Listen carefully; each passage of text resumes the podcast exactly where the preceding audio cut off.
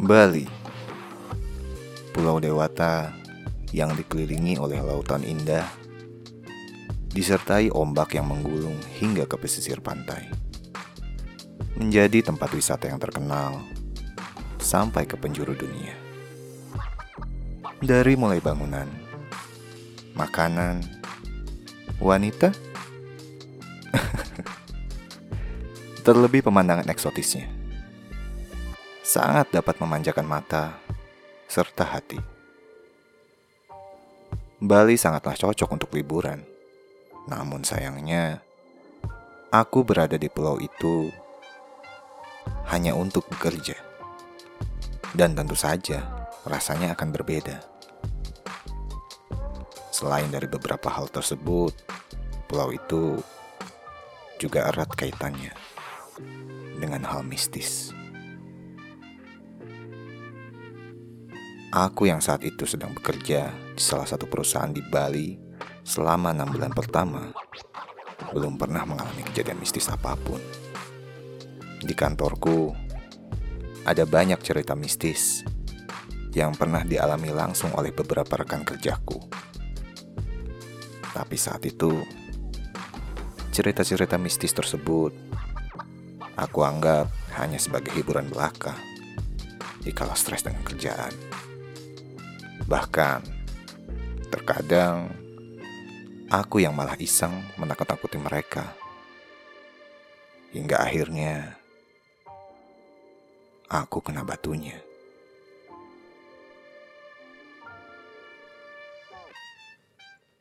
Satu minggu setelah genap enam bulan bekerja, aku yang tadinya biasa kerja di shift pagi atau sore, tiba-tiba dipindahkan ke shift tengah malam yang dimulai dari jam 2 pagi hingga 8 pagi. Di kantorku, shift tengah malam disebut sebagai shift zombie. Karena karyawan yang selesai bekerja di pagi harinya akan berjalan sempoyongan sambil menahan rasa kantuk diiringi lelah yang tiada tara. Shift zombie biasanya ada sekitar 4 sampai 6 orang laki-laki yang bekerja. Namun, karena baru hari pertama, aku mendapatkan shift zombie di Sabtu malam dan diberikan jadwal zombie half day oleh SPV ku. Yang mana waktu bekerja dimulai dari jam 12 malam hingga jam 4 pagi. Dan hanya dua orang yang bekerja pada shift tersebut. Aku sih tidak keberatan. Karena pastinya aku tidak sendirian. Akan ada seorang rekan kerjaku yang menemani. Akan tetapi, sial melanda. Malam itu aku segera berangkat dari kosan dan sampai di kantor satu jam lebih awal. Karena aku harus mengambil kunci gembok yang dipegang oleh karyawan shift sore yang selesai pada jam 11 malam. Sebagai informasi, satpam di kantorku saat itu hanya berjaga dari hari Senin sampai hari Jumat. Oleh karena itu, yang memegang kunci gembok adalah perwakilan karyawan tiap shift. Satu persatu karyawan keluar dari kantor.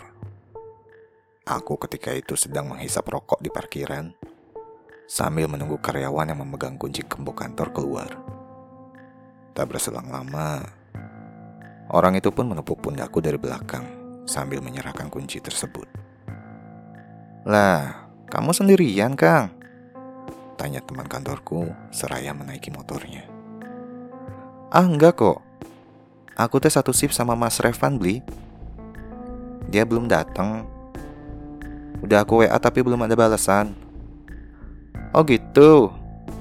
Ya udah aku tak pamit duluan ya, Kang. Oke, beli. Hati-hati beli. Balasku. Dan hanya tinggal aku sendiri yang berada di parkiran kantor. Aku masih menghabiskan sisa rokokku sambil menunggu balasan dari Revan.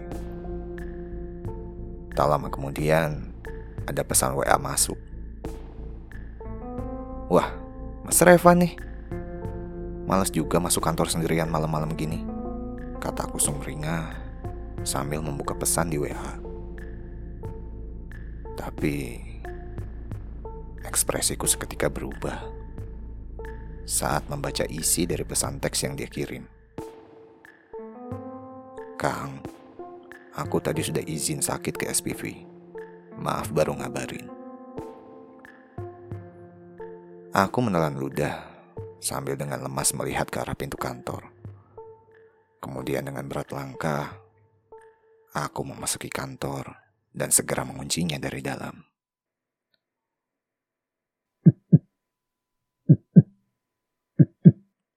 Ah, saat itu aku seperti dapat mendengar suara detak jantungku sendiri.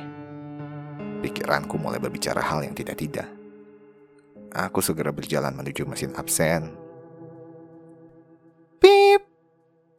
Terima kasih. Suara yang dikeluarkan dari mesin absen. Entah mengapa setelah mengisi absen, pundakku terasa sedikit berat. Perasaan merinding mulai menggerogoti pikiranku. Langkahku semakin lama semakin berat ketika harus menaiki tangga ke lantai tiga tempat aku bekerja. Tenang, tenang, ucapku dalam hati, mencoba menstabilkan detak jantungku yang sudah tidak karuan. Satu demi satu anak tangga aku tapaki, hingga kemudian Aku sampai di seperempat anak tangga menuju lantai tiga. Langkahku sempat terhenti karena pandanganku mengarah ke ruangan lantai tiga yang terlihat gelap gulita.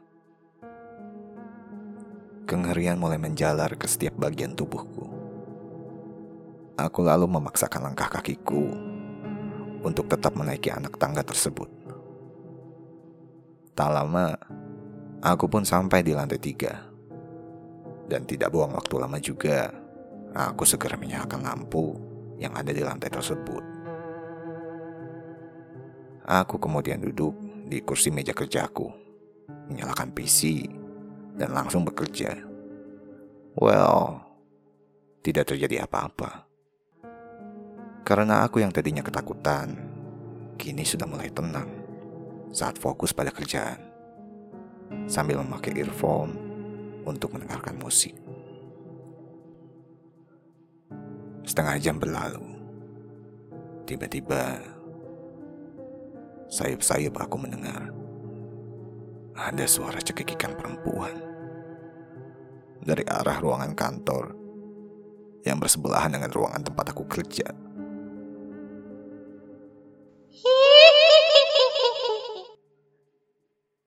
Aku sedikit terhenyak dari fokusku pada layar monitor. Agak merinding memang saat aku mendengar suara cekikikan tersebut. Namun, aku tidak panik.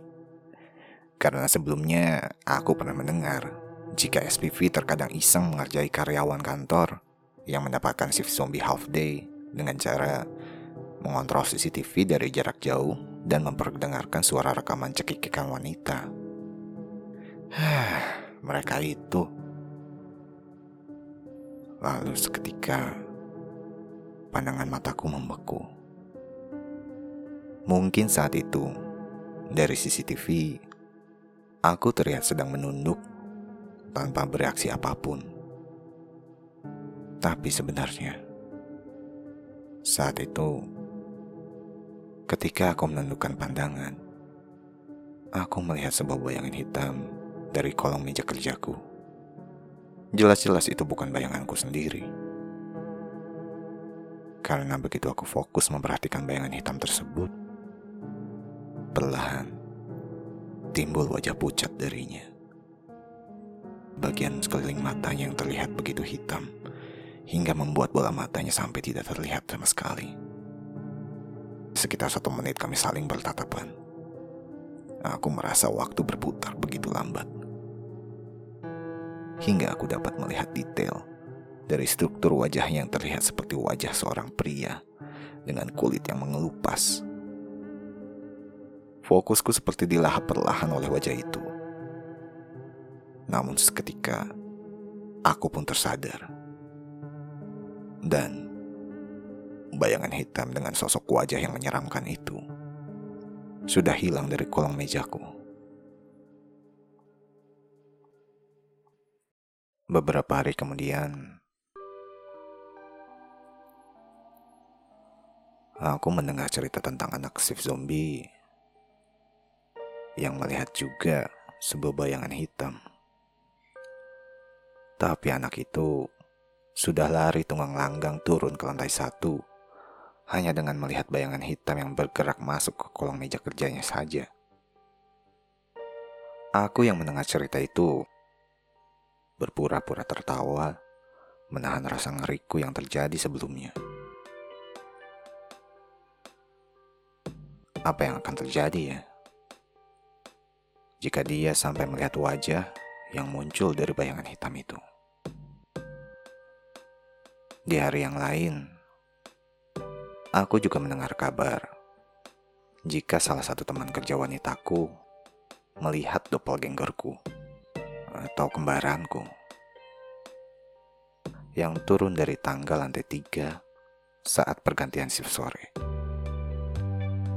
Padahal hari itu aku libur dan aku ada di kosan seharian. Menjadi pertanyaan bagiku, apakah wajah mengerikan yang aku lihat itu ada kaitannya dengan dua kejadian selanjutnya? Entahlah. Tapi yang jelas, aku baru bisa menceritakan kejadian ini setelah dua tahun aku resign dari kantorku dulu di Bali. Hati-hati dengan kolong meja kerjamu. Wajah itu memperhatikanmu.